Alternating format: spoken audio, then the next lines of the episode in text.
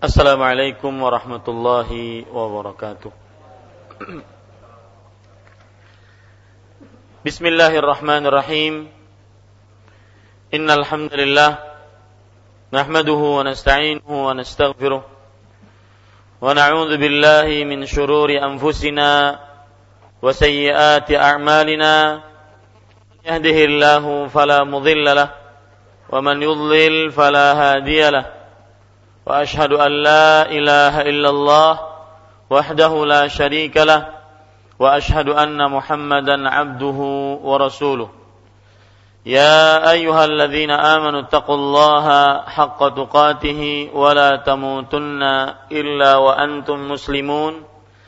يا أيها الناس اتقوا ربكم الذي خلقكم من نفس واحدة وخلق منها زوجها وبث منهما رجالا كثيرا ونساء واتقوا الله الذي تساءلون به والأرحام إن الله كان عليكم رقيبا.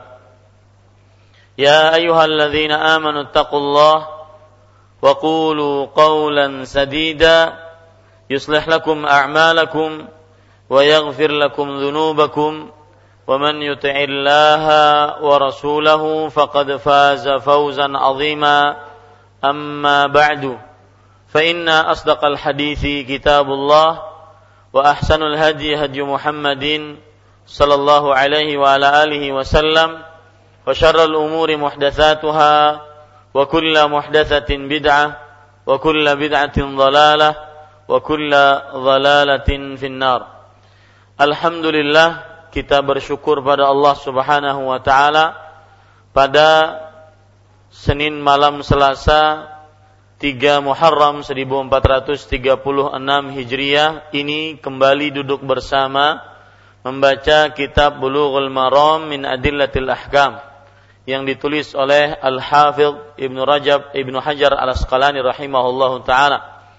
Salawat dan salam semoga selalu Allah berikan kepada nabi kita Muhammad sallallahu alaihi wa ala alihi wasallam pada keluarga beliau, para sahabat serta orang-orang yang mengikuti beliau sampai hari kiamat kelak.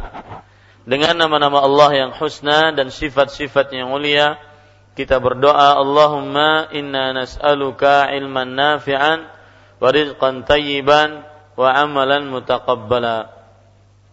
Bapak Ibu saudara-saudari yang dimuliakan oleh Allah Subhanahu wa taala, pada pertemuan kali ini kita masih membaca Kitabut Taharah Babul Wudu. Lama sekali ya, setahun. Baru sampai wudu. Ya, begitulah menuntut ilmu senantiasa harus sabar dan musabarah. Harus sabar dan tekun teliti. Taib Bapak Ibu saudara-saudari kita baca hadis yang ke 52. Wa 'anil Mughirah ibni Syu'bah radhiyallahu anhu anna an-nabiy sallallahu alaihi wa ala alihi wasallam tawaddaa famasaha binasiyatihi wa 'ala al-imamati wal khuffain akhrajahu muslimun artinya dari Mughirah bin Syu'bah radhiyallahu anhu bahwa Nabi Muhammad sallallahu alaihi wa alihi wasallam pernah berwudu. Beliau mengusap bagian ubun-ubun, bagian depan rambutnya, sorbannya dan dua sepatunya diriwayatkan oleh Imam Muslim. Bapak Ibu saudara-saudari yang dimuliakan oleh Allah, poin pertama yang ingin kita bahas pada pada kesempatan kali ini yaitu biografi perawi yang meriwayatkan hadis ini. Beliau adalah Al-Mughirah bin Syu'bah dan beliau dari daerah Saqif. Saqif makanya beliau disebut dengan As-Saqafi dan beliau masuk Islam pada tahun peperangan Khandaq. Pada peperangan Khandaq. Kemudian beliau juga kemudian berhijrah ke kota Madinah dan perang pertama kali yang beliau ikuti adalah perang Hudaybiyah. Yang pertama kali beliau ikuti adalah peperangan Hudaybiyah. Yang terkenal dari Al-Mughirah bin Syu'bah adalah beliau seorang yang sering menyediakan tempat wudhunya Rasulullah Sallallahu Alaihi Wasallam. Beliau sering salah seorang yang sering menyediakan tempat wudhunya Rasulullah Sallallahu Alaihi Wasallam.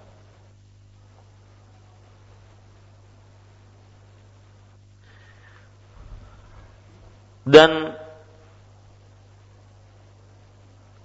hadis ini yang kita baca kalau tidak jauh sejarahnya keluar ketika peperangan Khandak keluar ketika peperangan Khan Afan ketika peperangan Tabuk mohon maaf. Keluar hadis Rasulullah Sallallahu Alaihi Wasallam ini ketika peperangan Tabuk ya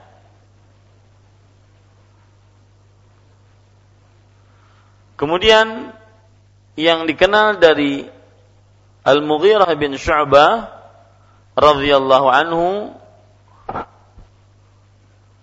beliau memimpin menjadi gubernur di kota Basrah. Basrah berada di mana? Irak. Kemudian menjadi gubernur sebanyak dua kali di kota Kufah.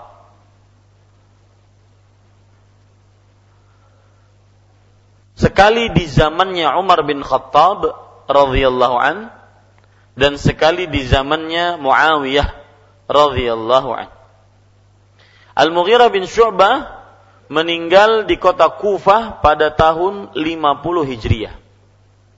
Meninggal di kota Kufah pada tahun 50 Hijriah. Bapak, Ibu, saudara-saudari yang dimuliakan oleh Allah Subhanahu wa taala, di dalam hadis-hadis Rasul ada beberapa sahabat yang terkenal dengan menyediakan tempat wudhunya Rasulullah. Di antaranya Al-Mughirah bin Syu'bah yang kita baca ini dan juga Rabi'ah bin Ka'ab Al-Aslami. Jadi di antara para sahabat Nabi, mereka ada yang tugasnya terkenal menyediakan wudhunya Rasulullah Sallallahu Alaihi Wasallam. Karena wudhu dahulu tidak seperti sekarang, tinggal buka keran, tidak perlu disediakan, tidak. Wudhu dahulu perlu menyiapkan air, airnya dituang ke dalam bejana, kemudian nanti disediakan ketika Rasulullah Sallallahu Alaihi Wasallam ingin ingin berwudhu. Di antara sahabat yang juga menyiapkan wudhunya al uh, menyiapkan wudhunya Nabi Muhammad SAW selain Mughirah bin Syu'bah yaitu siapa namanya tadi Rabi'ah bin Ka'ab al-Aslami. Baik. Bapak Ibu saudara-saudari yang dimuliakan Allah, itu poin pertama. Poin yang kedua makna hadis ini. Perhatikan baik-baik Al-Mughirah bin Syu'bah radhiyallahu anhu menceritakan bahwa Nabi Muhammad sallallahu alaihi wasallam pernah berwudu. Beliau mengusap bagian ubun-ubun. Nasiyah dalam bahasa Arabnya nasiyatun itu adalah ubun-ubun. Baik yang ada rambut atau tidak ada rambut. Yaitu awal mula bagian kepala. Kalau ubun-ubun di mana? Ya, di sini apa di sini? Ikhtalafal ulama fi ubun-ubun. Para ulama berbeda pendapat tentang ubun-ubun. Ubun-ubun di mana? Enggak, kalau seandainya ubun-ubun di tengah salah berarti. Ya? Ubun-ubun itu di mana? Di tengah. Mun belubang lain pulang ini pendapat ketiga Lebih dalam lagi pendapatnya. Mun belubak kekanakan masuk angin tuh ubun-ubun tuh. Taib. Bapak Ibu saudara-saudari yang jelas terjemahannya seperti kurang tepat. Beliau mengusap bagian depan kepala, bukan ubun-ubun. Nasiyah itu adalah bagian depan kepala. Baik tumbuh rambut atau tidak tumbuh rambut. Ya, bagian depan kepala. Para ulama mengatakan nasiyatun adalah asy'arul ladzi yakunu fi muqaddamir ra's. Rambut yang berada di depan bagian kepala. Taib. Nabi Muhammad SAW mengusap bagian nasiyah, bagian depan rambutnya. Makanya di situ kan ada e, tanda kurung, bagian depan rambutnya. Tanda kurung itu sebenarnya yang benar. Ya. Sorban dan di atas sorbannya. Tambah ya. Saya ulangi, lihat perhatikan bukunya baik-baik. Bahwa Nabi Muhammad SAW pernah berwudu beliau mengusap bagian depan rambutnya dan di atas sorbannya kurang di situ dan di atas sorbannya. Ya di situ cuma ada koma koma sorbannya ditulis dan di atas sorbannya dan dua sepatunya diriwayatkan oleh Muslim. Taib, maknanya apa, Ustaz? Perhatikan baik-baik. Ketika berwudu, Nabi Muhammad sallallahu alaihi wasallam pada waktu itu beliau memakai surban. Memakai surban. Jenis orang Arab eh jenis surban yang dipakai orang Arab itu ada dua. Surban yang disebut dengan muhannak Muhannak adalah surban yang menutupi seluruh kepala, rambut, bahkan hidung. Kadang-kadang tinggal dua matanya yang terlihat. Itu namanya apa? Surban jenis muhannak. Ada surban yang cuma menutupi bagian kepala. Nah, yang dimaksud dengan sorban di sini seluruhnya seluruh sorban jenisnya, baik yang cuma kita lihat kadang-kadang di puntal-puntal di atas, ya, sampai besar begitu, ya. Dan kadang-kadang ada yang memakai surban, ya, di, ditutupi kepalanya, kemudian sampai hidungnya, cuma kelihatan matanya. Surban jenis muhannak itu biasa dipakai oleh orang Arab ketika mereka bersafar karena safar kan dulu di atas onta dan jalan kaki terkadang otomatis banyak debu-debu karena mereka gurun pasir. Makanya mereka memakai surban jenis muhannak. Nah, surban yang dimaksud dalam hadis ini adalah semua jenis surban. Baik surban yang di kepala, setengah kepala itu atau seluruhnya. Jadi, ketika itu Nabi Muhammad SAW berwudu, kemudian beliau mengusap di atas nasiyah. Kemudian di atas nasiyah dilanjutkan di atas surban. Jadi tidak perlu surbannya dibuka. Nah, ini juga yang menunjukkan bahwa lebih kuat pendapat tentang surban ini adalah surban yang jenis muhannak. Karena sulit untuk dibuka, mungkin masangnya saja sudah bermenit. Ya, maka seseorang otomatis kalau dibuka lima kali sehari dia membuka. Karena berwudu lima kali sehari untuk sholat lima waktu. Itu minimal. Ya, makanya Allahu alam yang dimaksud dengan surban di sini semua jenis surban yang dipakai di atas kepala atau jenis muhannak. Nah, jadi caranya beliau ketika mengusap kepala dalam berwudu, beliau usap nasiyahnya ya, kemudian dilanjutkan ke atas surban. Lanjutkan di atas surban dan dua dan di atas dua sepatunya. Sepatu di sini bukan sembarangan sepatu. Khuf dalam bahasa Arab art e, dalam bahasa Arab khuf di yang dimaksudkan khuf adalah sepatu yang menutupi sampai mata kaki. Biasa kalau Bapak umroh atau haji itu didapati di Mekah ya atau di Madinah. Saya tidak tahu di Indonesia ada atau tidak. Sepertinya ada di toko-toko alat-alat untuk haji dan umroh. Khuf namanya. Ya, khuf bilang saja khuf. Ya, sok orang Arab khuf. Ya, khuf itu artinya sepatu yang menutup sampai melebihi dua mata kaki. Jadi bukan sembarang sepatu. Kalau sepatu yang kita pakai itu kadang-kadang di bawah dua mata mata kaki. Jadi kurang tepat kalau seandainya diartikan juga dengan di atas dua sepatu. Lebih baik di atas dua khuf. Mungkin diberikan catatan kaki di situ. Taib Bapak Ibu saudara-saudari yang dimuliakan oleh Allah, hadis ini Bapak Ibu saudara-saudari dibawakan oleh penulis bukan untuk membicarakan mengusap di atas surban. Bukan. Hadis ini sekarang dibawakan oleh penulis bukan untuk membicarakan kalau berwudu mengusap di atas dua surban dan eh, apa, mengusap di atas surban dan juga di atas dua sepatu khuf. Bukan karena ini nanti ada pembicaraan dan bab tersendiri. Lalu faedahnya penulis menyebutkan hadis ini untuk apa?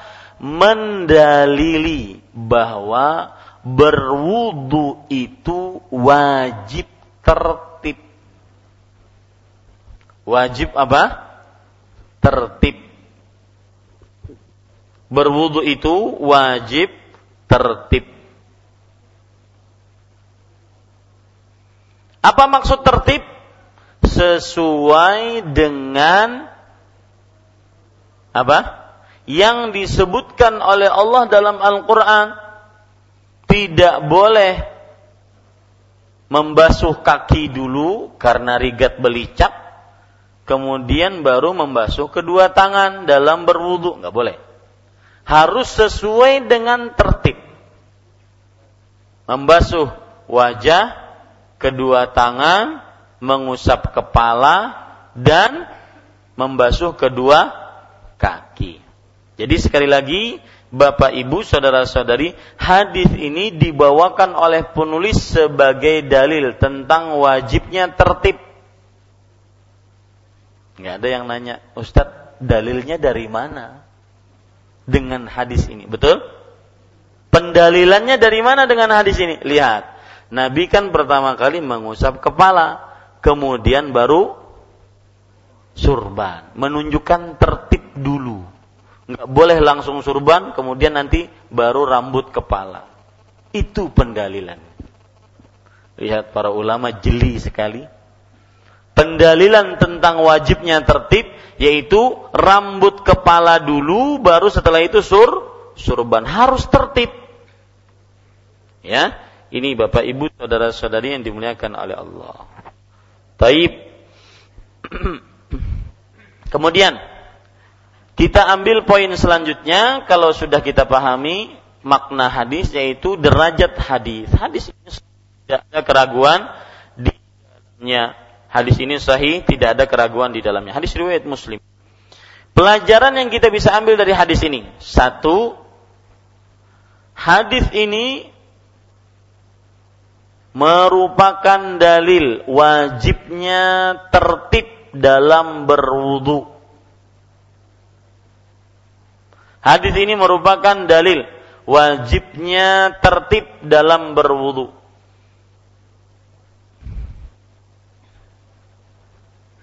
Dan makna tertib adalah berwudu sesuai dengan anggota yang telah disebutkan dalam surat Al-Maidah ayat 6. Ya, betul. Jazakallahu khairan Pak Haji.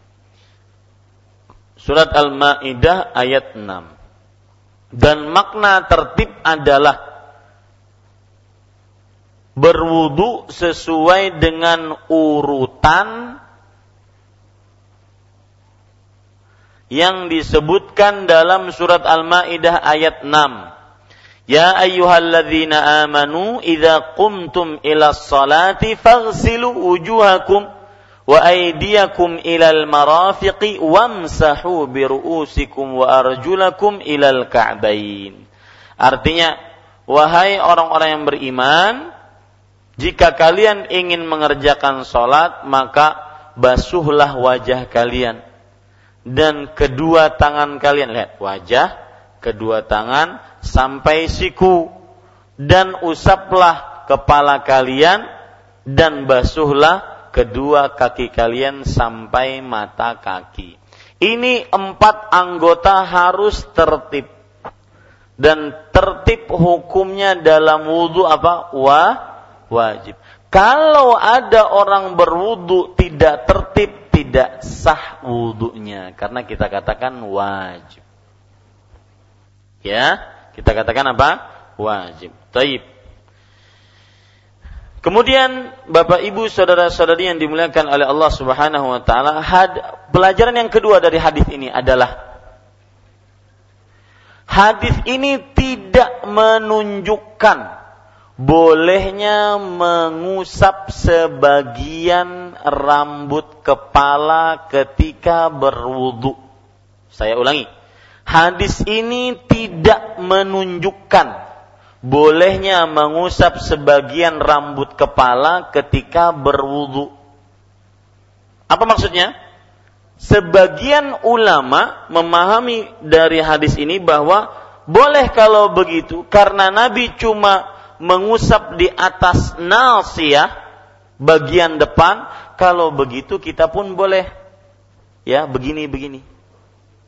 Ketika berwudu, tidak mengusap seluruh rambut kepala. Maka jawabannya hadis ini tidak menunjukkan itu. Kenapa? Karena Rasulullah ketika mengusapnya, beliau karena memakai surban, beliau mengusap bagian depan rambut, kemudian beliau lanjutkan menunjukkan bahwa mengusap kepala harus seluruhnya. Jadi pelajaran yang kedua dari hadis ini bahwa hadis ini tidak menunjukkan bahwa boleh mengusap sebagian rambut kepala saja. Ya. Dan Nabi Muhammad SAW tidak pernah diriwayatkan dalam riwayat yang sahih satu pun beliau mengusap sebagian rambut kepalanya dalam berwudu nggak pernah. Lihat perkataan Imam Luqayyim rahimahullah dalam kitab beliau Zadul Ma'ad walam yasihha anhu sallallahu alaihi wasallam fi haditsin wahidin annahu iqtasara ala mashi ba'dhi ra'sihi al-bat tidak ada riwayat yang sahih walau satu hadis pun bahwa beliau hanya mengusap sebagian kepalanya saja, nggak pernah. Maka Pak, semenjak ini tidak boleh kita sedikit-sedikit, harus seluruhnya. Walakin kana idza masah binasiyatihi kammala 'ala al-imamah akan tetapi beliau jika mengusap sebagian rambutnya dan beliau memakai surban, beliau sempurnakan di atas di atas surban. Menunjukkan mengusap kepala harus apa? Seluruhnya. Taib.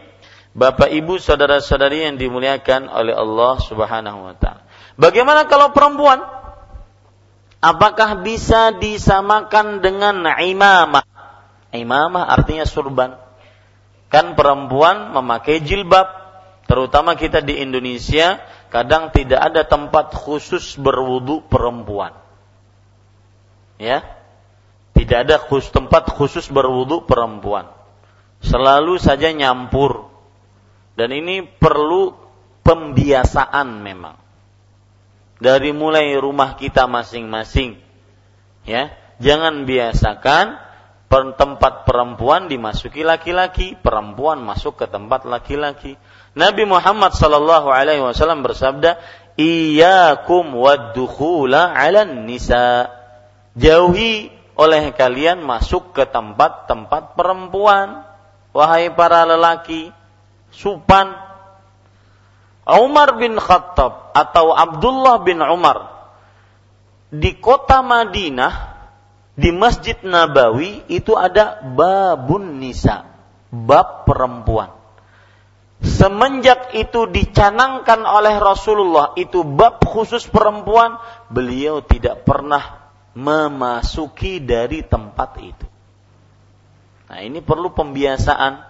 Biasakan dari mulai rumah-rumah kita ada tempat masuk rumah khusus perempuan, ada tempat masuk, tempat kamar mandi mungkin khusus perempuan, jangan dicampur. Ya. Nah, bagaimana kalau seandainya sudah terjadi Ustaz. Akhirnya perempuan pun harus berwudu di tempat laki-laki bercampur. Bagaimana dia berwudu? Maka sebagian ulama berpendapat bahwa hukum mengusap di atas imamah surban juga kena pada hukum perempuan yang memakai jilbab. Tetapi itu kalau seandainya di sekitarnya tidak ada laki-laki. Karena otomatis bagaimanapun dia akan memperlihatkan rambutnya, sedangkan rambut adalah apa? Aurat. Maka pendapat yang lebih kuat untuk wanita-wanita kita di Indonesia, dia berusaha semaksimal mungkin berwudu dengan sempurna tetap mengusap di atas rambut kepalanya di atas rambut kepalanya. Lalu terlihat bagaimana Ustaz? Maka di situ saling tolong menolong antara para perempuan. Kalau pas lagi yang beudu mamanya, kekanakannya menutupi. Usaha. Ya, begitu. Harus mengkondisikan sesuai dengan sunnah. Nah, kita lanjutkan hadis selanjutnya. Jadi sekali lagi Bapak Ibu saudara-saudari yang dimuliakan oleh Allah bahwa hadis ini sebenarnya nanti ada bab tersendiri disebutkan oleh penulis. Tetapi kenapa disebutkan oleh penulis di sini? Salah satu sebabnya beliau ingin mendalili apa tadi? Bahwa tertib itu wa wajib dalam berwudu. Dari sisi mana pendalilannya? Tadi orang tidak boleh mengusap kepala meskipun dia pakai surban di tengah kepalanya, enggak. Karena ada rambutnya, bagian depan rambutnya, kemudian bagian e, surbannya tadi. Harus tertib. Nanti saya akan jelaskan setelah ini tertib itu bagaimana pembagian-pembagiannya. Mohon sabar ya. Artinya sabar, mohon diperhatikan baik-baik karena ini agak detil tentang tertib. Taib. Hadis selanjutnya yaitu hadis yang ke-53. Wa an Jabir bin Abdullah radhiyallahu anhu fi sifati hajjin Nabi sallallahu alaihi wa ala alihi wasallam ibda'u bima bada Allah bih akhrajahu an-Nasa'i hakadha bilafdhil amri wa huwa 'inda muslimin bilafdhil khabari dari Jabir bin Abdullah radhiyallahu anhuma tentang tata cara haji Nabi Muhammad sallallahu alaihi wasallam. Beliau bersabda, "Mulailah dengan apa yang telah dimulai oleh Allah." Diriwayatkan oleh An-Nasai seperti ini, yakni dengan redaksi perintah Sedangkan dalam riwayat Muslim dengan lafaz yang isinya khabar. Taib. Poin pertama dari hadis ini adalah biografi perawi yang meriwayatkan hadis ini. Beliau adalah Jabir bin Abdullah ibni Haram al-Ansari as-Sulami. Jabir ini sahabat, bapaknya pun sahabat. Ya, ini kita ambil pelajaran dari sini bahwa semestinya antara bapak dan anak saling tolong menolong di dalam kebaikan. Bayangkan, indah kan? Anaknya sahabat, bapaknya sahabat. Dan karena orang Arab dahulu nikah muda-muda di pernikahan dini, mereka kadang-kadang dengan anak itu sangat dekat umurnya. Ada misalkan umur 14 sudah menikah. Kalau punya anak berarti cuma beda 14 tahun dengan dengan sang anak. Ya, jadi kayak kawan. Termasuk di dalamnya ini. Jabir bin Abdullah Jabir anaknya sahabat Nabi Muhammad sallallahu alaihi wasallam. Abdullah ibnu Haram juga sahabat Rasulullah sallallahu alaihi wasallam. Taib. Beliau termasuk empat orang yang bernama Abdullah yang banyak meriwayatkan hadis. Afan. Beliau termasuk dari Afan, salah saya. Beliau termasuk sahabat yang banyak meriwayatkan hadis Jabir bin Abdullah. Ya, Jabir bin Abdullah termasuk sahabat yang banyak meriwayatkan hadis. Salah satu hadis beliau yang sangat terkenal adalah sifat haji Rasulullah sallallahu alaihi wasallam. Sifat hajinya siapa? Rasulullah. Itu panjang, nanti akan disebutkan di dalam uh, buku ini. Panjang, diriwayatkan oleh Imam Muslim Bagaimana dari mulai pertama Nabi Muhammad SAW berhaji sampai selesai. Ya, sifat hajinya Rasulullah Sallallahu Alaihi Wasallam. Kemudian beliau termasuk orang yang mengikuti peperangan Aqabah.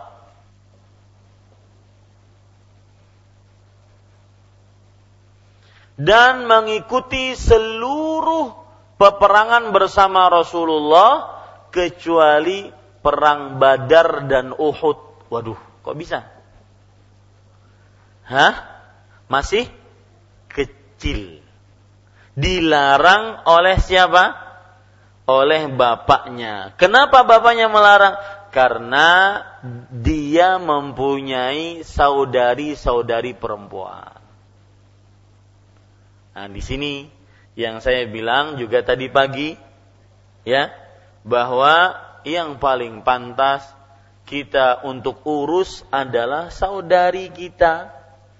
Ini sebagian anak-anak terbalik. Orang tua garing tidak digubris. Paling menelpon garing gak pian? Selesai. Habis itu kalau kawan-kawannya garing, wani bemalam di rumah sakit. Betul apa betul? Ya, betul. Ini para ikhwan sekalian, ini terbalik. Jadi tadi pagi saya sudah mencontohkan jenis-jenis terbalik. Ini menjadi inspirasi saya judul kajiannya terbalik. Ya, banyak banyak dan menarik menarik karena mencakup semua yang terbalik dilakukan oleh manusia. Nah, lihat di sini Abdullah bin Haram, bapaknya Jabir melarang anaknya Jabir untuk ikut perang bahkan perang yang mulia, perang Badar, perang yang membedakan mana yang hak, mana yang batil. Demi kenapa? Menjaga menjaga adik-adik. Terutama adik-adik perempuan. Ya, menjaga adik-adik terutama adik-adik perempuan. Sedikit tentang masalah menjaga anak-anak perempuan dan keluarga perempuan di zaman sekarang harus lebih intensif dan harus lebih benar-benar dijaga. Kenapa? Karena begitu banyak godaan, ujian. Ya, kita tidak ingin menyesal di kemudian hari. Maka Anda wahai para lelaki, jangan cuma ya saya tugas saya kan cuma mengais rezeki, ya sudah anak itu urusan ibunya deh. Enggak. Enggak bisa. Harus tolong menolong dengan istri satu judul kajian yang ingin saya sampaikan juga adalah penyakit para suami. Ya. Ini harus diberikan karena ada beberapa kesalahan-kesalahan dalam memahami ketaatan terhadap suami. Seakan-akan kalau sudah taat, titah sang suami itu tidak diperbolehkan untuk dilanggar Padahal di sana ada berbagai macam e, pembicaraan tidak boleh taat dalam maksiat, tidak boleh taat di dalam e, memutuskan hubungan kekerabatan, diharamkan dalam agama Islam. Baik. Para ikhwan yang dirahmati oleh Allah Subhanahu wa taala, Jabir bin Abdullah diriwayatkan oleh Imam Muslim berkata tentang diri beliau, "Ghazautu ma'a Rasulillah tis'a asyrata ghazwah. Walam ashhad badran wala uhudan mana'ani abi. Falamma qutila Abdullah yawma Uhud lam atakhallaf an Rasulillah sallallahu alaihi wasallam fi ghazwatin qattu." Artinya, aku berperang bersama Rasulullah 19 kali peperangan dan tidak pernah aku absen dalam peperangan Rasulullah kecuali perang Badar dan perang Uhud kata beliau. Ketika bapakku Abdullah bin Haram meninggal, maka aku tidak pernah ketinggalan berperang bersama Rasulullah sallallahu alaihi wasallam. Kemudian para ikhwah sekalian, beliau termasuk karena beliau banyak meriwayatkan hadis, beliau termasuk sahabat yang memiliki halakoh majlis ilmu di masjid. Karena beliau termasuk para ulamanya para sahabat. Kemudian beliau kufa basaruh menjadi tunanetra di akhir umurnya dan orang yang tunanetra itu nikmat dari Allah Subhanahu wa taala. Ya, ada hadis riwayat Imam Tirmidzi, "Man barang siapa yang aku ambil dua hal yang ia cintai yaitu mata, fasabara falahul jannah." Lalu dia bersabar maka baginya surga. Dan beliau meninggal di kota Madinah pada tahun 74 Hijriah. Pada tahun 74 Hijriah. Taib.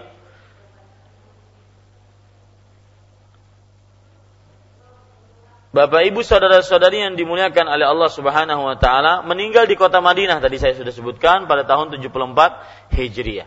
Sekarang Bapak Ibu saudara-saudari poin kedua yaitu makna dari hadis ini. Lihat terjemahan bukunya dari Jabir bin Abdullah radhiyallahu anhuma dengan tata eh, tentang tata cara haji Nabi Muhammad sallallahu alaihi wasallam. Ada yang bertanya mungkin, Ustadz ini babnya wudhu.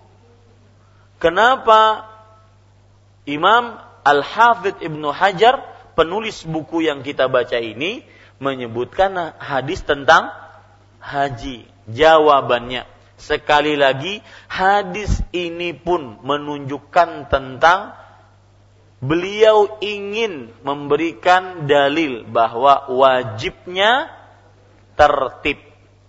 Dari mana kita baca? Beliau bersabda, Nabi Muhammad SAW bersabda, mulailah dengan apa yang dimulai oleh Allah. Lihat, mulailah. Itu kata perintah.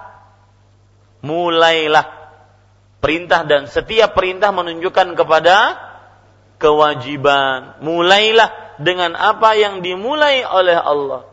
Berarti ya, meskipun ini hadis berkenaan dengan sofa dan marwah, kita kalau lagi sa'i lagi sa'i habis minum zam-zam kemudian kembali ke Ka'bah untuk mengusap hajar aswad kalau mampu, baru pergi ke mana?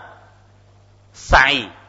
Nah, ketika kita pergi ke sa'i, yang pertama kali kita mulai mana? Sofa. Karena Allah berfirman, Inna sofa wal marwata min sya'airillah. Sesungguhnya sofa, lihat, sofa dulu dimulai. Dan marwah termasuk syiar-syiar Allah. Tanda hukum Allah yang jelas Baru ketika itu kita setelah mengucapkan itu, baru kita mengucapkan yang diucapkan oleh Rasulullah, abda'u bima bada Allahu bi. Aku memulai dengan apa yang telah dimulai oleh Allah, yaitu memulai dengan sofa, baru setelah itu mar marwah. Jadi hadis ini memang benar tentang haji. Tetapi hadis ini meskipun, nah di sini kita ambil sebuah kaidah Meskipun dia tentang haji, akan tetapi ada kaedah dalam bahasa fikih al-ibratu bi'umumil lafzi la bi khususis sabab.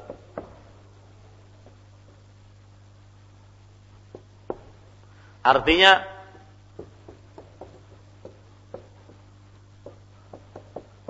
yang menjadi standar keumuman lafaz bukan sebab yang khusus. Nah, ini kaidah yang kita bisa ambil dari hadis ila bi khususis sabab. Apa maksudnya? Hadisnya tentang haji, tapi apa? Bisa digunakan untuk umum haji ataupun apa pun. Wudhu termasuk di dalamnya. Kita memulai dengan apa yang dimulai oleh Allah. Allah memulai dalam surah Al-Maidah ayat 6 dengan membasuh wajah, kemudian kedua tangan sampai siku, kemudian mengusap kepala, kemudian membasuh. Nah, begitu juga ya. Mulailah dengan apa yang dimulai oleh Allah, baik ketika haji atau ketika wudhu. Ini uh, kaedahnya. Ini kaedah ini terkenal. Ya, yang menjadi standar keumuman lafat bukan sebab yang khusus. Contoh, istri Nabi diperintahkan untuk pakai hijab, pakai penghalang ini. Itu ayatnya kepada istri Nabi. Apakah hukum itu hanya khusus untuk istri Nabi atau untuk semua perempuan? Nah, itu maksud. Yang menjadi standar keumuman lafat bukan sebab yang khusus. Sebab yang khusus maksudnya apa? Ya sebabnya waktu itu adalah istri Nabi. Tetapi hukumnya umum. Paham Pak ya? Nah, ini kaidah yang terkenal di dalam hukum fikih. Ya, azan dulu silakan. Karena tidak terdengar yang lain-lain pada azan. Silakan.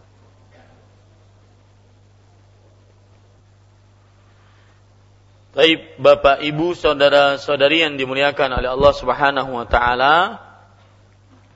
Kita lanjutkan.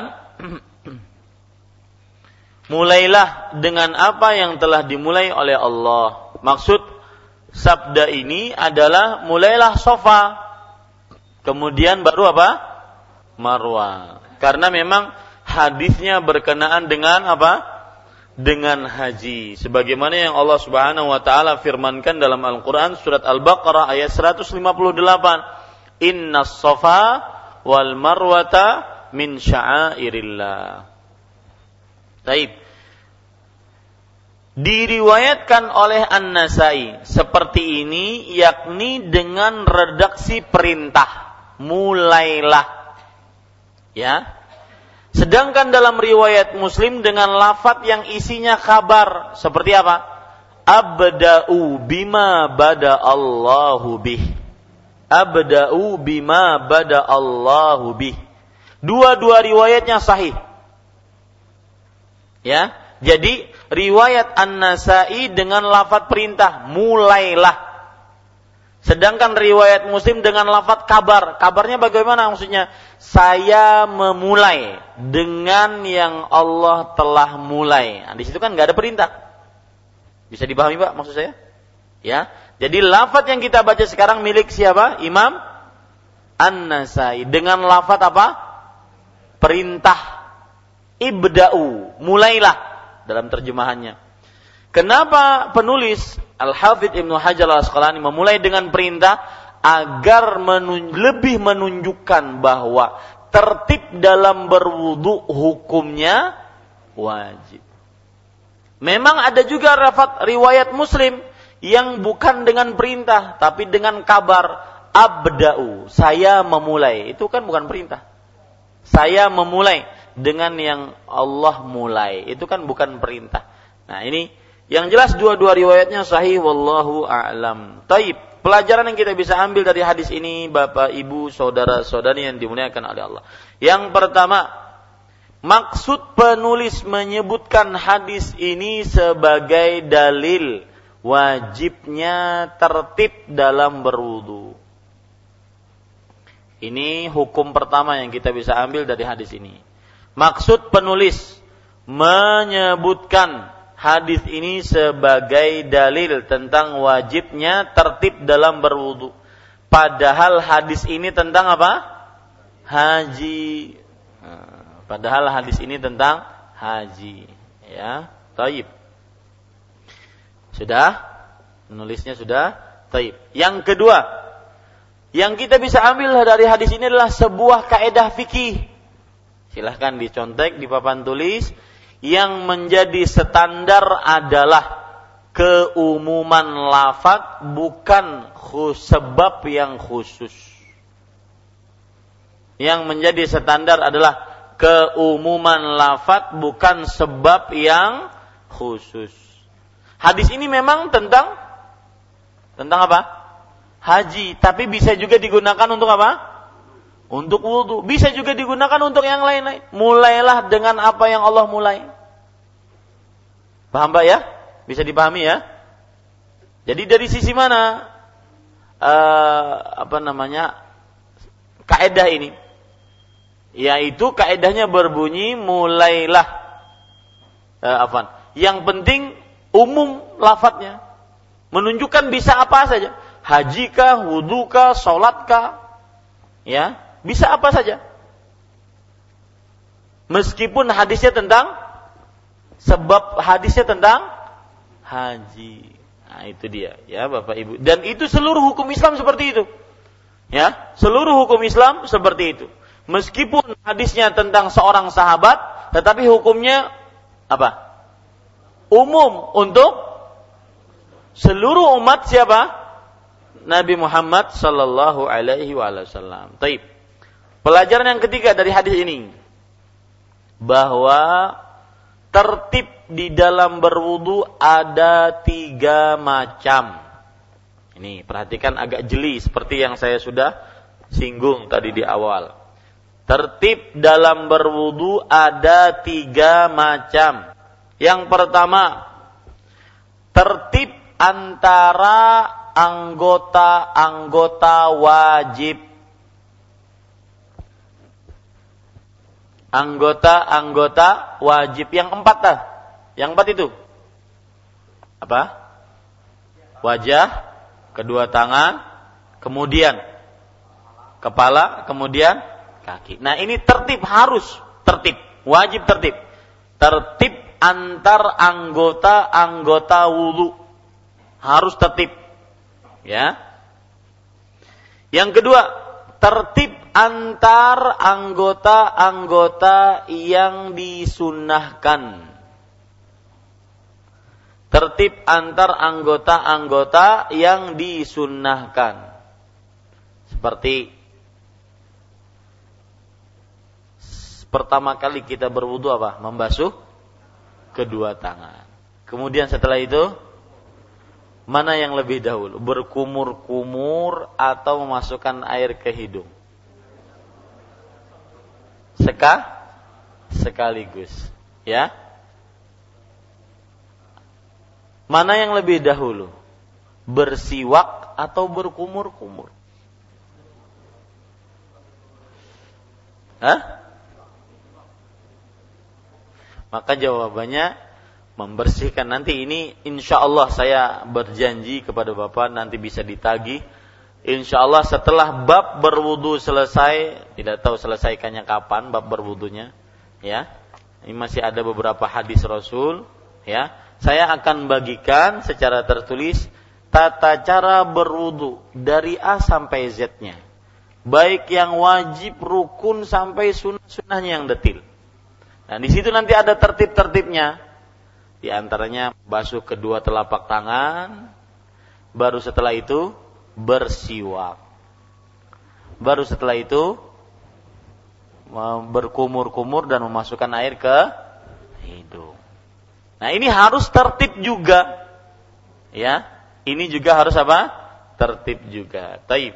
Kemudian tertib yang ketiga yaitu tertib antara anggota yang disunahkan dengan anggota yang diwajibkan dalam berwudu. Anggota yang disunahkan dengan anggota yang diwajibkan dalam berwudu. Seperti setelah berkumur-kumur dan memasukkan air ke hidung lalu dikeluarkan, lalu membasuh wajah. Ini harus tertib. Ya, jadi tertib itu ada tiga macam. Taib Bapak Ibu saudara-saudari yang dimuliakan oleh Allah Subhanahu wa taala. Pelajaran selanjutnya atau kita salat dulu ya. Salat dulu nanti kita bahas lanjutan dari hadis ini apa yang baiknya dari Allah Subhanahu wa taala sallallahu nabi Muhammad walhamdulillahi rabbil alamin.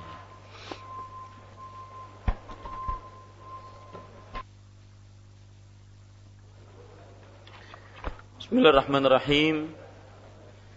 Wa sallallahu sallam wa baraka ala abdihi wa rasulihi nabiyina Muhammad wa ala alihi wa sahbihi ajma'in. Amma ba'du.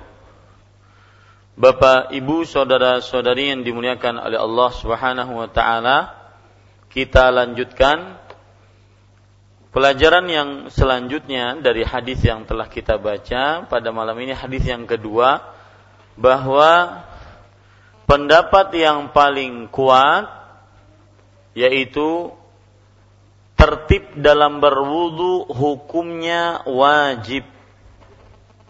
Pendapat yang paling kuat tertib dalam berwudu hukumnya wajib. Dan barang siapa yang tidak tertib tidak sah wudunya. Barang siapa yang tidak tertib tidak sah wudunya. Ini pendapat Imam Ahmad, Imam Syafi'i, kemudian juga Abu Ubaid yang menunjukkan bahwa tertib dalam berwudu hukumnya wajib.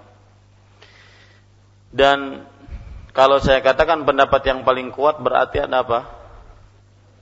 Ada perbedaan pendapat. Ya. Perbedaan pendapat memang di antara para ulama ada yang mengatakan tidak wajib. Seperti Imam Malik mengatakan tertib dalam berwudu hukumnya apa? Tidak wajib. Ya. Tetapi wallahu alam pendapat yang paling kuat adalah wajib. Berarti kalau ada orang yang membasuh tangan dulu sampai siku sebelum membasuh muka, maka wudhunya tidak tidak sah. Taib. Kemudian Bapak Ibu saudara-saudari yang dimuliakan oleh Allah Subhanahu wa taala termasuk pelajaran yang kita bisa ambil dari hadis ini dan pelajaran ini saya ambilkan dari uh, Syekh Imam Ibnu Utsaimin rahimahullahu taala yaitu kiat menambah ikhlas dalam beribadah adalah catat baik-baik ini penting ya. Ini termasuk perkara yang beliau memang ahlinya di dalam masalah ini. Kiat menambah ikhlas dalam beribadah adalah ketika mengerjakan ibadah hadirkan di dalam hati saya sedang melaksanakan perintah Allah. Saya ulangi, kiat menambah keikhlasan dalam ibadah adalah hadirkan di dalam hati saya sedang mengerjakan perintah Allah. Jadi bukan sekedar berwudu, bukan sekedar sa'i antara sofa dan marwah, bukan sekedar sedekah, bukan sekedar sholat, tapi sholat ketika kita sholat, ya Allah ini perintahmu saya kerjakan. Indah itu. Ya, ya Allah, wudhu seperti ini adalah perintahmu saya kerjakan. Wah itu menambah keikhlasan. Tidak akan pernah mikir dilihat orang atau tidak dilihat orang. Tidak akan pernah mikir dapat pahala atau tidak dapat pahala. Eh, afan. Dapat penghargaan dari manusia atau tidak dapat penghargaan manusia. Karena dia cuma mikir apa? Perintah Allah. Ya Allah ini perintahmu saya kerjakan. Membaca Al-Quran. Ya. Mengingat ketika kita baca Al-Quran. Ya Allah ini perintahmu untuk membaca Al-Quran. Terus seperti itu. Kiat menambah keikhlasan dalam ibadah adalah mengingat ketika kita mengerjakan, hadirkan hati bahwa kita sedang mengerjakan perintah Allah. Taib Bapak Ibu saudara-saudari yang dimuliakan oleh Allah Subhanahu wa taala.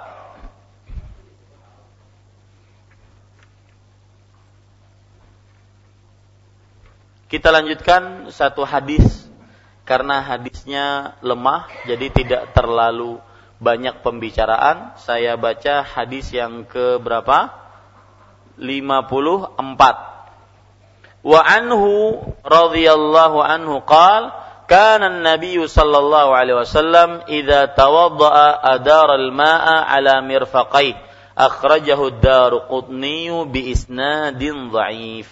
Darinya yaitu dari Jabir bin Abdullah radhiyallahu anhu sebagaimana yang sudah kita sebut bahwa Jabir bin Abdullah adalah seorang sahabat yang banyak meriwayatkan hadis. Makanya kita nanti dapati banyak hadis-hadis beliau. Dan dari Jabir radhiyallahu anhu dia berkata Nabi Muhammad sallallahu alaihi wasallam apabila berwudu beliau memutarkan air ke atas dua siku-sikunya. Diriwayatkan oleh Ad-Daruqutni dengan sanad yang dhaif, dengan sanad yang lemah. Tapi para ikhwan yang dirahmati oleh Allah Subhanahu wa taala, pelajaran pertama dari hadis ini sudah Jabir bin Abdullah. Pelajaran kedua makna hadis ini. Lihat hadisnya. Nabi Muhammad SAW apabila berwudu beliau memutarkan air kedua sikunya. Jadi begini, diputarkan airnya di dua sikunya. Ya, jadi samping mengusap membasuh tangan, lengan dan memutarkan air di dua siku, di siku sampai siku. Itu maksudnya. Diriwayatkan oleh Ad-Daruqutni dengan sanad yang lemah. Taib. Poin ketiga dari hadis ini adalah derajat hadis ini. Hadis ini hadis yang lemah. Ingin tahu kelemahannya? Karena di dalamnya ada seorang perawi yang bernama Al-Qasim bin Muhammad bin Abdullah bin Aqil. Ya, para ulama hadis mengatakan di antaranya Abu Hatim orang ini yang bernama Qasim bin Muhammad ini matrukul hadis. Hadisnya ditinggalkan oleh para ulama. Kalau matruk itu biasanya dia itu dituduh berdusta dalam meriwayatkan hadis. Makanya ditinggalkan. Ya. Taib. Kemudian Imam Ahmad mengatakan orang ini laisa bi artinya nggak ada nilainya. Buh. Ini bukan ghibah Ustaz. Ya, ini ghibah yang diperbolehkan. Demi menjaga keutuhan agama Islam. Boleh menilai orang seperti itu. Itu disebut dengan ilmu jarah wa ta'dil. Ya, jarah apa? Wa ta'dil. Jadi orang ini nggak ada apa-apanya. Laisa bisyai. Laisa bisyai. Ya, tapi jangan nanti pian fulan laisa bisyai. ini kada boleh ya. Ini para ikhwas sekalian dirahmati oleh Allah SWT. Taib. Jadi hadis ini lemah, cuma maknanya sahih. Karena Al-Quran berfirman, Allah Subhanahu wa taala berfirman, "Wa aidiyakum ilal marafiq." Basuhlah kedua tangan salian sampai siku. Siku masuk bagian. Ya. Jadi lafat hadis ini matan eh, matannya sahih, tetapi sanatnya mata rantainya itu lemah. Dan itu banyak dalam lafat-lafat hadis. Mat, sanatnya lemah, tetapi matannya isi konten hadisnya itu apa? sahih ya taib kemudian pelajaran yang kita bisa ambil dari hadis ini yaitu membasuh tangan sampai siku. Siku masuk bagian darinya. Bahkan dalam hadis riwayat Bukhari ya dari Abu Hurairah bahwa Nabi Muhammad SAW membasuh wajahnya kemudian beliau sempurnakan wudhunya. Thumma ghasala yadahu yumna hatta ashra'a fil adud. Kemudian beliau membasuh tangan kanannya sampai masuk ke dalam otot tangan. Otot tangan otomatis masuk juga apa? Siku. Berarti siku termasuk bagian yang dibasuh ketika berwudu.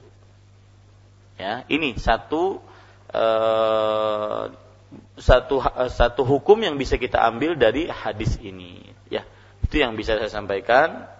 Alhamdulillah pada pertemuan ini tiga hadis kita baca itu semua dengan pertolongan Allah Subhanahu wa taala.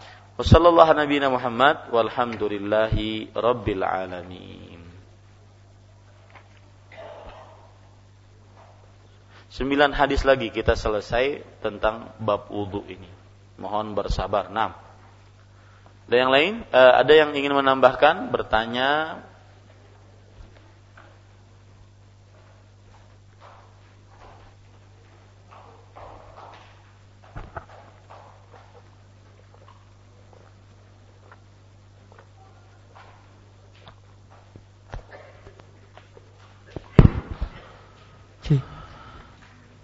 Ya Ustaz, yang pertama pertanyaan dari pendengar Gema Madinah. Assalamualaikum Ustaz. Waalaikumsalam warahmatullahi Mau nanya bagaimana wudhu saya? Saya mengusap kaos kaki saja karena membuka kaos kaki tidak memungkinkan. Saya sedang safar, tidak ada kamar mandi di musola di pinggir jalan tersebut. Syukron.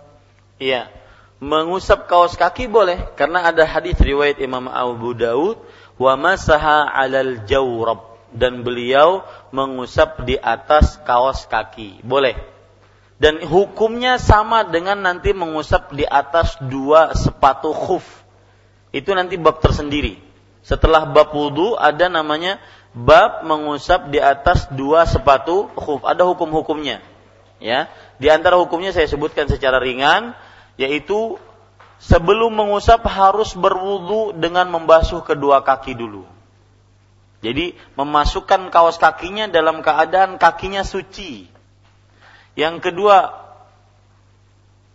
kaos kakinya suci, nggak boleh najis. Yang ketiga, batasan mengusap di atas kaos kaki atau dua sepatu khuf adalah satu hari satu malam untuk mukim tiga hari tiga malam untuk musafir. Yang keempat yaitu mengusap di atas khuf atau di atas kaos kaki batal kalau seandainya berhadas besar junub misalnya. Harus dilepas semuanya. Ya seperti itu. Nah kemudian yang kelima ini khilaf di antara para ulama kalau kaos kakinya dilepas, apakah masih boleh sholat atau batal sholatnya? Jadi misalkan, pas sholat zuhur saya mengusap di atas kaos kaki. Habis zuhur panas, dibukalah kaos kakinya. Pas adzan asar saya tidak batal, tapi sudah membuka kaos kaki. Bolehkah sholat seperti ini?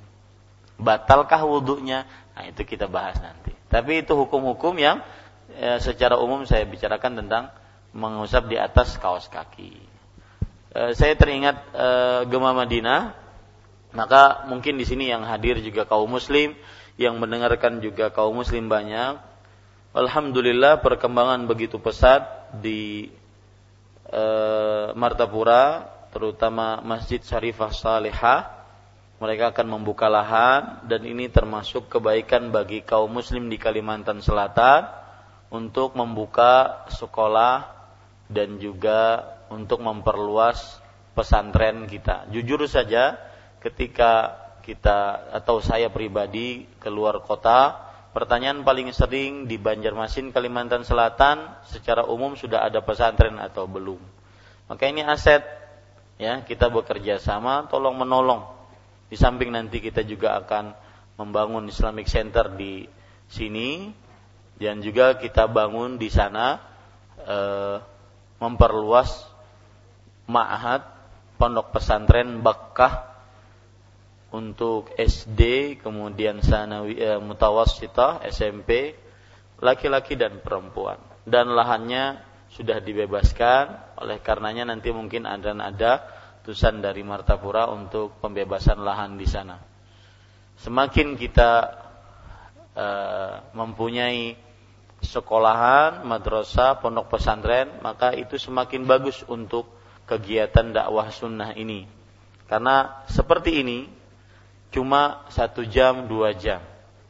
Ya. Dan walhamdulillah banyak manfaatnya. Dan ini mengaji kitab seperti ini lebih utama dibandingkan kajian tematik. Kajian judul-judul. Karena ini yang akan membuat seorang muslim tambah mumpuni ilmunya tapi mungkin tidak menarik bagi yang suka yang cuma suka ceramah-ceramah biasa Uma dari dulu setahunan wudhu aja lah jar. Kada dadang lain. Akhirnya bulik. Ya. Maka ini sebenarnya lebih manfaat untuk mumpuninya ilmu seorang muslim.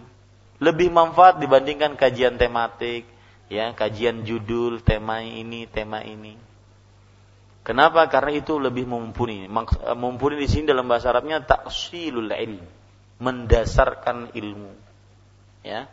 Maka kita harus saling tolong menolong demi dakwah ini dan saya sudah komit sebelum pulang dengan beberapa penasehat bahwa radio Gema Madinah harus besar dan kita di Banjarmasin selama tidak ada hal yang aneh-aneh dari Gema Madinah kita akan tetap membesarkan radio Gema Madinah dan tidak ingin membuat yang lain.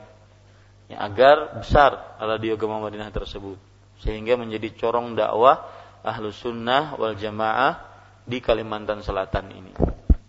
Ya, maka e, saya dengar-dengar lahannya alhamdulillah mungkin sampai 11.000 meter lahan yang ingin dibuka kalau seandainya memang sudah dibebaskan dan itu pun butuh bantuan kita tunggu saja amplop-amplopnya akan tersebar nanti mudah-mudahan dan itu harta bapak-bapak sekalian ya itu harta kita sebenarnya Nah, yang lain.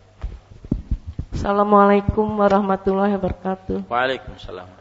Ustadz yang kami tanyakan masalah pikih wanita itu kan belum selesai Ustadz. Nah. Bagaimana kalau setiap Jumat seperti biasa habis asar kita mulai lagi di Masjid Imam Syafi'i. Jajakillah air.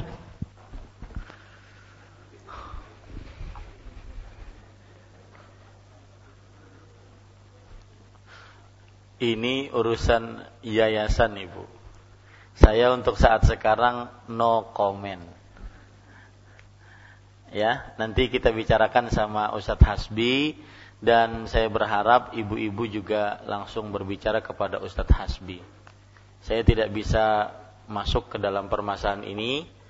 Memang itu jadwal adalah jadwal yang berarti, tetapi mudah-mudahan ada solusi menarik nanti mudah-mudahan. Ya. Nah. Ya, Ustaz, selanjutnya dari Pak Joko via BBM. Assalamualaikum. Ustaz, saya pernah dengar bila wanita bepergian dan ketika masuk waktu sholat, kebetulan tempat wudhu bercampur dengan laki-laki, si wanita tersebut wudhunya mengusap tanpa membuka dengan syarat harus berwudu dulu sebelum bepergian walaupun di jalan nanti wudunya batal. Terima kasih. Iya. Uh, seperti yang sudah kita singgung bahwa yang paling utama adalah tetap berwudu seperti biasa. Cuma dia mengkondisikan agar auratnya tetap tidak terlihat. Ya, jangan mengusap di atas surban seperti yang dilakukan oleh laki-laki. Karena hadisnya memang untuk laki-laki mengusap di atas surban. Nah, tetapi jika dia ingin mengusap di atas jilbabnya, maka bagaimanapun dia tetap juga akan mengeluarkan rambutnya dan rambut aurat tidak boleh terlihat. Ya, jadi saya katakan bahwa untuk mengusap di atas jilbab bagi perempuan maka lebih baik dia berwudu seperti biasa asal auratnya ditutup oleh sebagian muslimah yang lain. Jadi bergantian mengkondisikan menjaga aurat. Ya. Kemudian yang kedua, kalau ingin mengusap di atas jilbab wallahu alam boleh. Tetapi bagaimanapun dia juga akan me mengeluarkan sebagian rambutnya dan itu pun juga harus dijaga. Adapun apakah hukumnya seperti hukum mengusap di atas khuf dan di atas e, surban, maka iya. Dibicarakan oleh para ulama, salah satu hukum mengusap di atas surban adalah e, sebelumnya memakai surban dalam keadaan suci. Artinya berwudu yang sempurna dulu sebelumnya, baru di atas surban. Baru di atas apa? Surban. Jadi uh, hukumnya seperti hukum mengusap di atas surban atau mengusap di atas dua khuf. Ya, wallahu alam. Sekali lagi jawaban tadi tentang ibu yang hari Sabtu, hari Jumat yang kita tidak belum me melanjutkan kajian kita karena uh, ada satu dan lain hal, maka uh, mudah-mudahan diberikan solusi yang terbaik ya ibu. Nah. Assalamualaikum warahmatullahi wabarakatuh. Waalaikumsalam warahmatullahi Masalah sunnah wudhu menyala-nyala jari-jari tangan Ustaz bagaimana caranya? Menyala-nyala jari jemari tangan ketika membasuh tangan ya. Caranya kita basuh tangan seperti biasa untuk sudah kita jelaskan ketika membaca eh, hadis-hadis uh, tentang wudhu membasuh tangan. Kita mulai dari ujung jari jemari tangan kita basuh ya sampai siku, siku masuk bagian darinya. Kemudian setelah kita ini kita kembalikan dan disela-sela seperti biasa. Dan ada penyelaan dengan jari jemari kelingking. Ya. Ini kalau mampu silahkan dengan jari jemari kelingking terutama juga kaki jari jemari kaki tapi kalau sananya tidak mampu mungkin tahalang lawan parut maka ya susah. Boleh dengan yang lain-lain. Ya wallah hmm. Yang di belakang.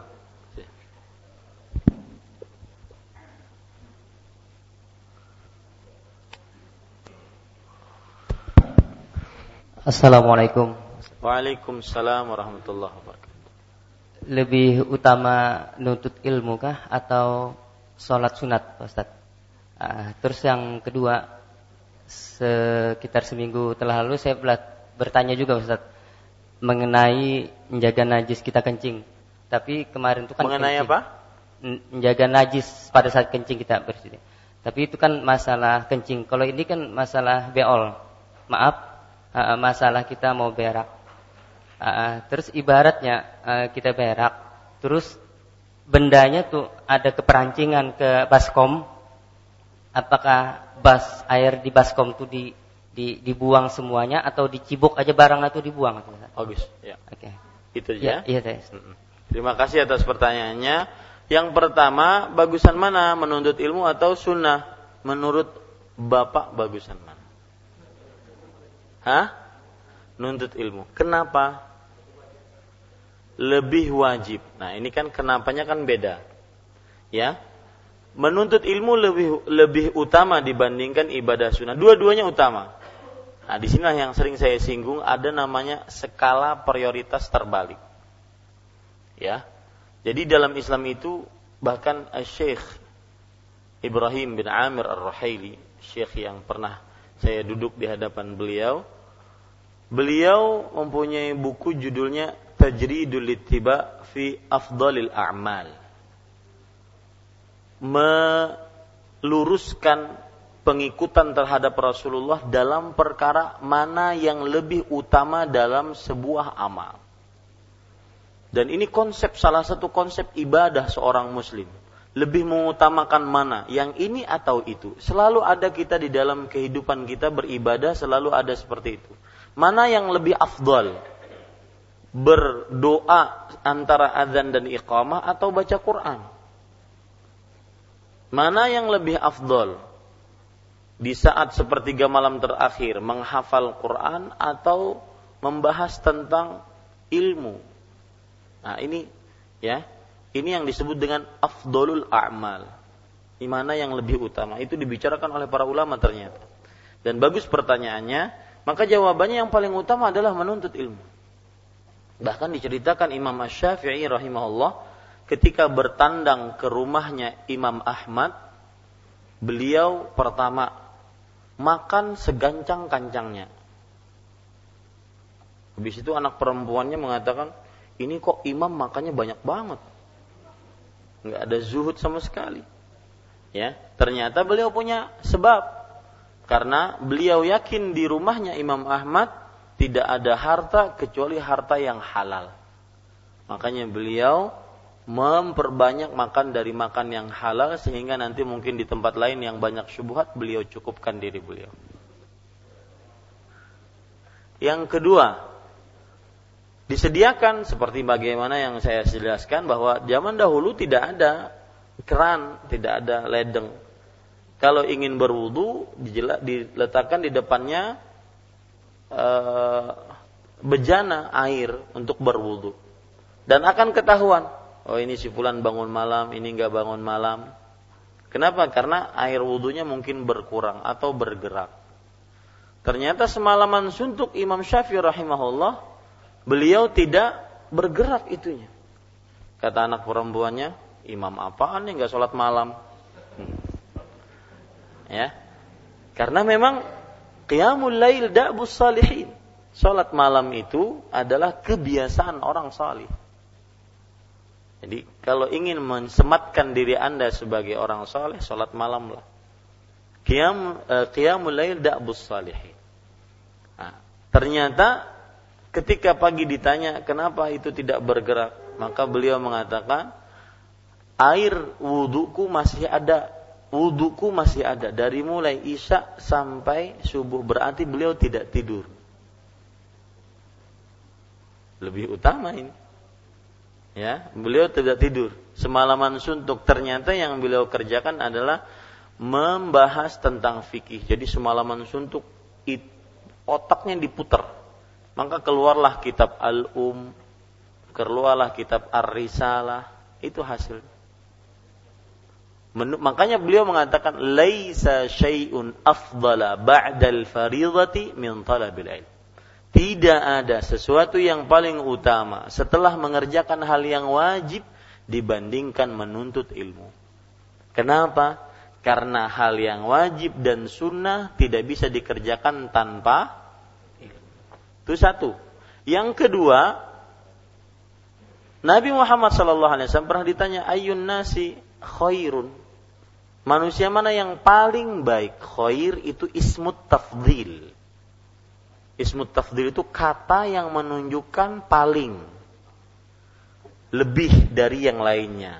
Khair. Jadi kalau diterjemahkan manusia mana yang paling baik? Maka beliau menjawab anfa'uhum linnas, yang paling bermanfaat. Orang berilmu paling bermanfaat dibandingkan orang ahli ibadah. Ibadah sunnah dia sujud ruku seratus kali, 100 rakaat untuk dirinya sendiri. Ya, untuk dirinya sendiri.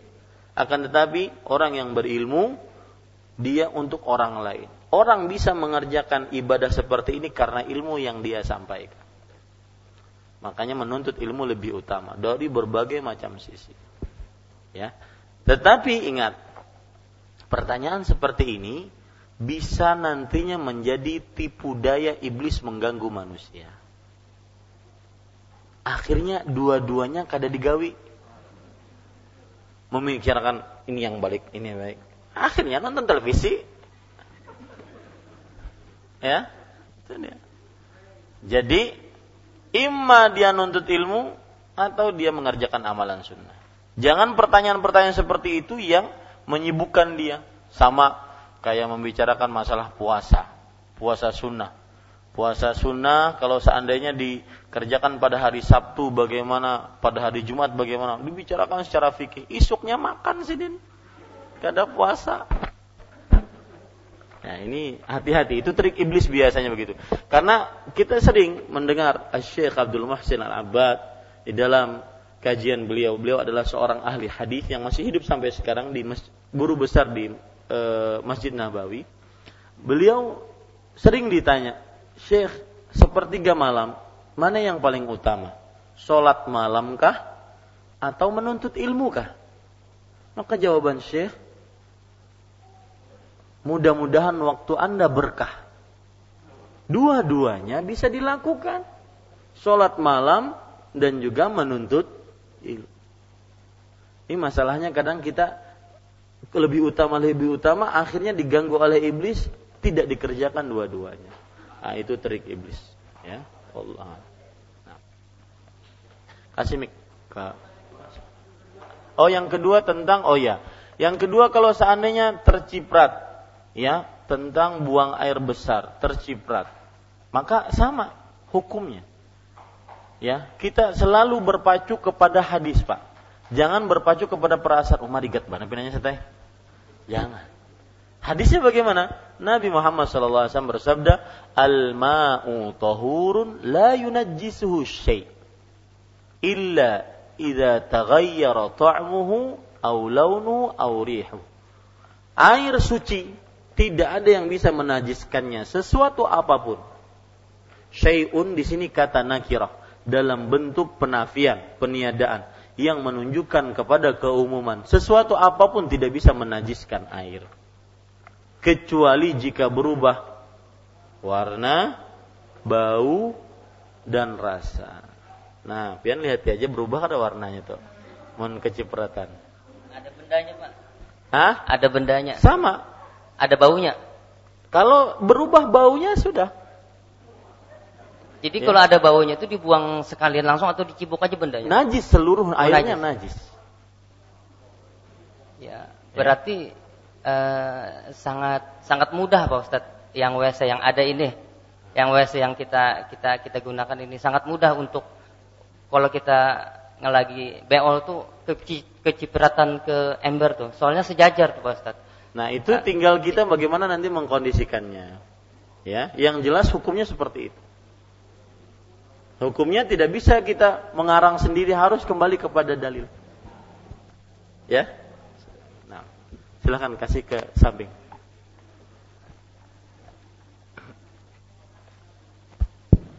Bismillahirrahmanirrahim. Assalamualaikum warahmatullahi wabarakatuh. Waalaikumsalam. Uh, ada dua pertanyaan, Ustaz. Mungkin agak keluar sedikit dari konteks pembahasan kita, tetapi masih seputar hadis. Yang pertama berkenaan tentang Rasulullah memakai sorban atau imamah. uh, yang ulun tahu imamah itu adalah as-saub alladzi yulafu ala ra'as, kain yang dililitkan di kepala itu kan. Yeah. Pertanyaannya uh, apakah memakai sorban itu termasuk sunnah atau tidak?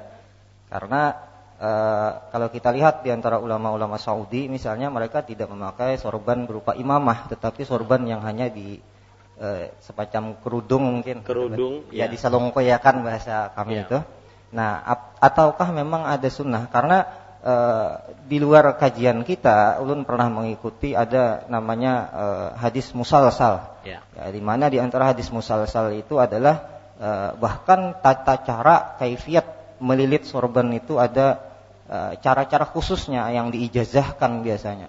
Ya. Nah, apakah ini merupakan sebuah uh, sunnah Rasul atau bagaimana? Memang ulun pernah membaca di dalam uh, hadis-hadis fadilat tentang memakai imamah, rata-rata hadisnya sangat lemah. Nah, tetapi kata mereka yang mengamalkan, meskipun fadilatnya adalah lemah, tetapi Rasul memakai berdasarkan hadis-hadis seperti larangan e, berihram memakai sorban, kemudian adanya hadis menyapu sebagian kurban, sorban itu menunjukkan bahwa sorban adalah pakaiannya Rasul dan orang-orang Arab seperti itu kan. Nah, sehingga mereka menganggap sunnah. Ini yang pertama mohon penjelasan. Yeah. Yang kedua mengenai uh, kaidah al-ibarah di umum lafzi lebih khususi sabab. Hmm. Uh, apakah ada kaidah terbalik? Kalau tidak salah pun pernah mendengar meskipun rasa-rasanya agak kurang yakin. Ya ini uh, al-ibarah bi khususi sabab la bi umum lafzi gitu. Nah, apa memang ada seperti itu dan bagaimana penerapannya Ustaz? Iya. Syukran jazakallah. Jazakallah khair. Bagus pertanyaannya, maka jawabannya perhatikan baik-baik. Uh, yang pertama yaitu tentang apakah memakai. Jadi di situ pertanyaan antum itu ada beberapa sub pertanyaan ya. Yang ingin saya bahas pertama kali apakah memakai imamah adalah sunnah? Apakah memakai imamah adalah sunnah? Maka jawabannya para ikhwan yang dirahmati oleh Allah, ada kaedah fikih yang mengatakan al aslu fil asya al ibah. Asal hukum dalam sesuatu itu adalah mubah. Begitu juga di dalam seluruh makanan, minuman, dan pakaian. Asal hukum pakaian adalah mubah. Ya. Allah Subhanahu wa taala berfirman di dalam Al-Qur'an, "Ya ayyuhalladzina amanu kulu min tayyibati ma razaqnakum. Wahai orang-orang yang beriman, makanlah dari apa-apa yang kami rezekikan kepada kalian. Nah, dari sini kita ambil pelajaran akhirnya bahwa makanan, minuman dan seluruh yang Allah Subhanahu wa taala ciptakan untuk manusia adalah mubah untuk dipakai kecuali yang dikecualikan. Ini satu yang harus kita pahami. Yang kedua, untuk pakaian yang sunnah adalah pakaian yang dipakai oleh masyarakat sesuai dengan kebiasaan masyarakat tersebut. Nah, di sini perhatikan baik-baik. Rasulullah Shallallahu Alaihi Wasallam hidup di tengah orang-orang Arab yang beliau memakai pakaian yang mereka memakai pakaiannya dengan imamah. Dengan apa? imamah. Maka Rasulullah SAW pun beliau memakai pakaian dengan imamah karena kebiasaan orang kampung ya karena kebiasaan orang orang kampung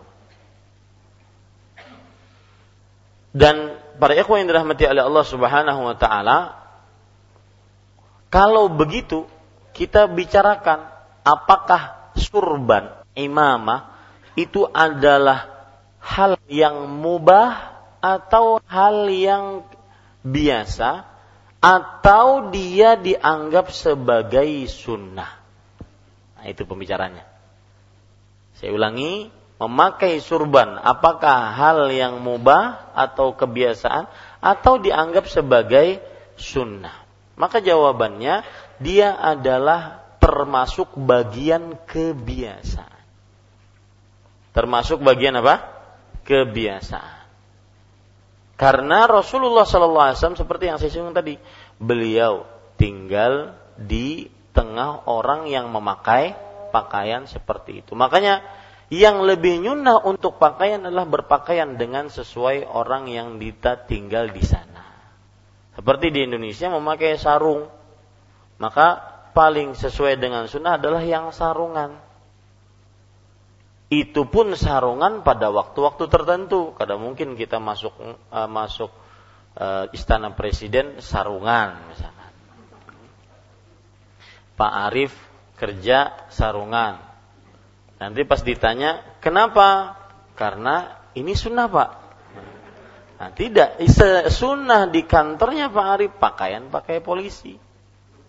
Nah, seperti itu. Jadi untuk imamah dia jawabannya dia bukan termasuk taab budi, bukan ibadat, tetapi dia termasuk mubah atau kebiasaan. Kenapa? Karena Rasulullah Shallallahu Alaihi Wasallam hidup di tengah orang Arab. Bukti yang menunjukkan itu adalah sebuah kebiasaan. Tidak ada satu hadis pun yang mana Rasulullah Shallallahu Alaihi Wasallam mewajibkan untuk memakainya, memakainya kepada para sahabatnya. Dan ditambah lagi dengan kabar yang antum sebutkan tadi dan itu sahih kabarnya, tidak ada satu hadis sahih pun tentang keutamaan memakai surban. Adapun kalau seandainya disebut dia adalah al hadis al musalsal. Hadis musalsal itu Pak, maksudnya adalah saya dapat dari guru saya, guru saya dapat dari guru saya, guru saya dapat dari gurunya terus Seperti itu. Dan hadis musalsal banyak. Seperti hadis musalsal dijewer.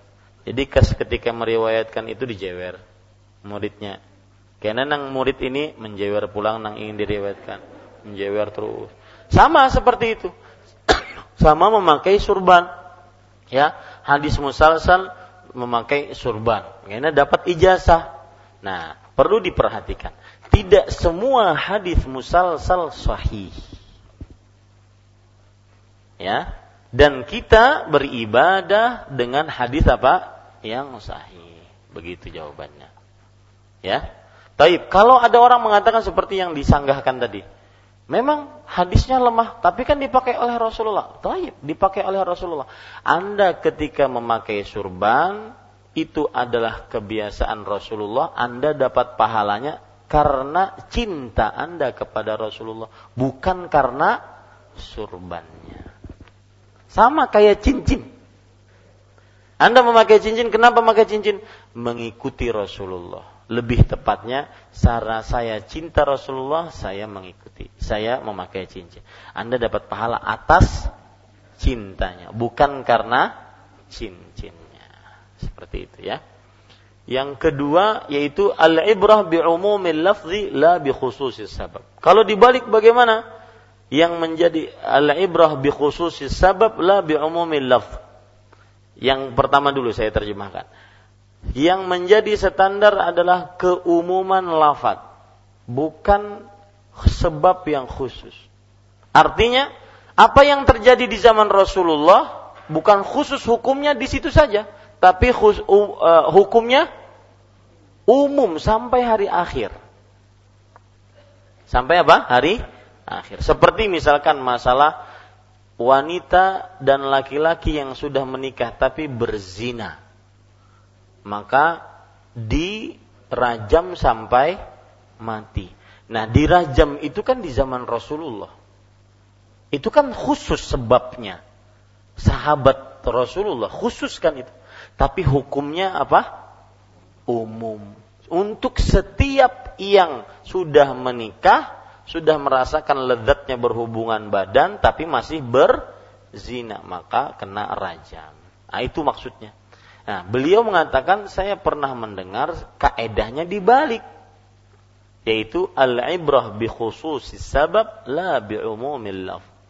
Artinya yang menjadi standar adalah sebab yang khusus bukan keumuman lafat. Maka jawabannya ini salah satu pengecualian. Terkadang ada hal-hal yang khusus. Dan kapan kita mengkhususkan itu ketika ada nas pengkhususan. Nah, itu dia. Tapi kaedah yang sering sering dipakai yang kita sebutkan tadi. Ya. Jadi yang menjadi ukuran adalah keumuman lafadznya, bukan sebab yang khusus. Dan itu banyak Pak di dalam Al-Qur'an. Seperti contoh-contoh yang saya sebutkan tadi. Misalkan tentang hijab. Itu kan ceritanya Nabi Muhammad SAW menikah dengan kalau tidak salah Hafsah. Menikah dengan seorang perempuan kalau tidak salah. Ya, e, istri Nabi Muhammad SAW. Saya lupa namanya Hafsah. Ya, e, e, Zainab ya. Ya, Zainab menikah dengan Zainab. Nah, orang-orang tidak mau keluar, para sahabat nggak mau keluar di situ saja. Akhirnya turunlah ayat hijab. Wa idza sa'altumuhunna mata'an fas'aluhunna min wara'i hijab. Jika kalian minta makanan kepada istri-istri Nabi, maka mintalah dari belakang tabir, nggak boleh langsung berhadapan, malu. Nah, ini kan sebabnya khusus yaitu kepada siapa? Istri Nabi Zainab. Apakah hukumnya cuma khusus untuk Zainab? Tidak. Untuk seluruh umum wanita muslimah harus memakai tabir. Nah, itu maksudnya. Bisa jadi pengecualian itu, ya. Pengecualian terkadang ada. Itu pun dengan syarat harus ada dalil yang mengkhususkannya. Karena kaedah mutaridahnya ini. Ya, seperti itu. Wallahu a'lam. Sama seperti masalah tayamum.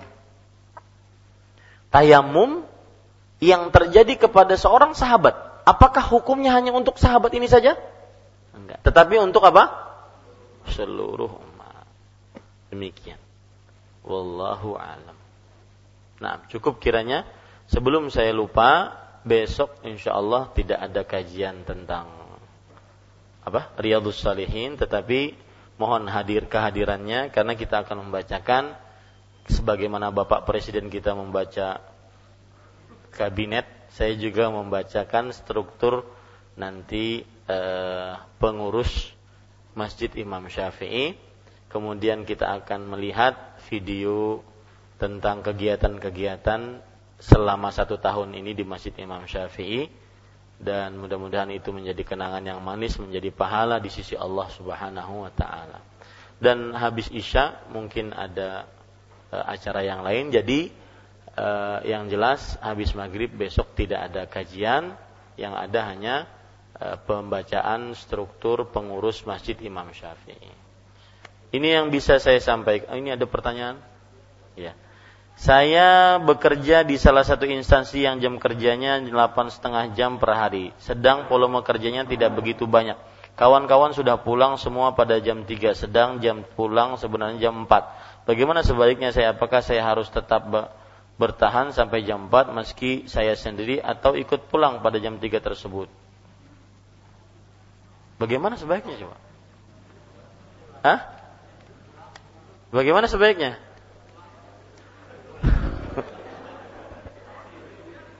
Sebaiknya ya tetap sesuai dengan kesepakatan seorang muslim. Itu sesuai dengan kesepakatan. Al muslimun ala syuruti meskipun sorongan ya sudah itulah kesepakatan. Karena begini kita itu dapat gaji karena menjual waktu kita.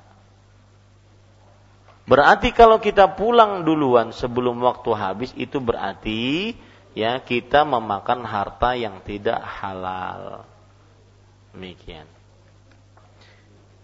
Okay. Iya.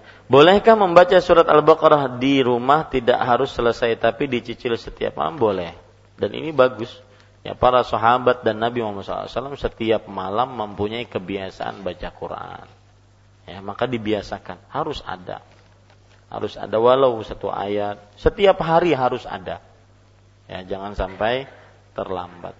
Nah, Cukup kiranya subhanakallahumma wa bihamdika asyhadu an la ilaha illa anta astaghfiruka wa atubu ilaik wa sallallahu nabiyana Muhammad walhamdulillahi rabbil alamin.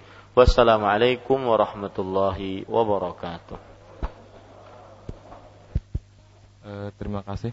Uh, kepada jamaah uh, kembali kami mengingatkan bahwa besok insya Allah kita akan mengadakan pemaparan materi presentasi dari BMT Bintaro yang insya Allah akan menyampaikan tentang solusi e, kredit e, memiliki rumah atau mobil yang tanpa riba.